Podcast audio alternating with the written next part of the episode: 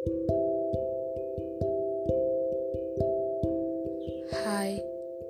semoga kamu mendengarkannya ya.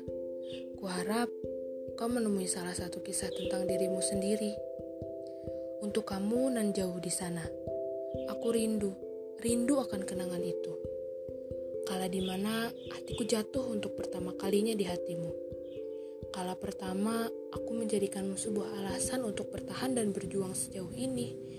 Kala itu, aku sangat-sangat mencintaimu. Entah bagaimana, aku pun tak menyadari bahwa dunia ini bukan hanya sekadar tentang dirimu. Kala itu, panggung sandiwaraku mulai beraksi menampilkan sebuah pertunjukan tentang kisah hati yang amat sangat dahsyat.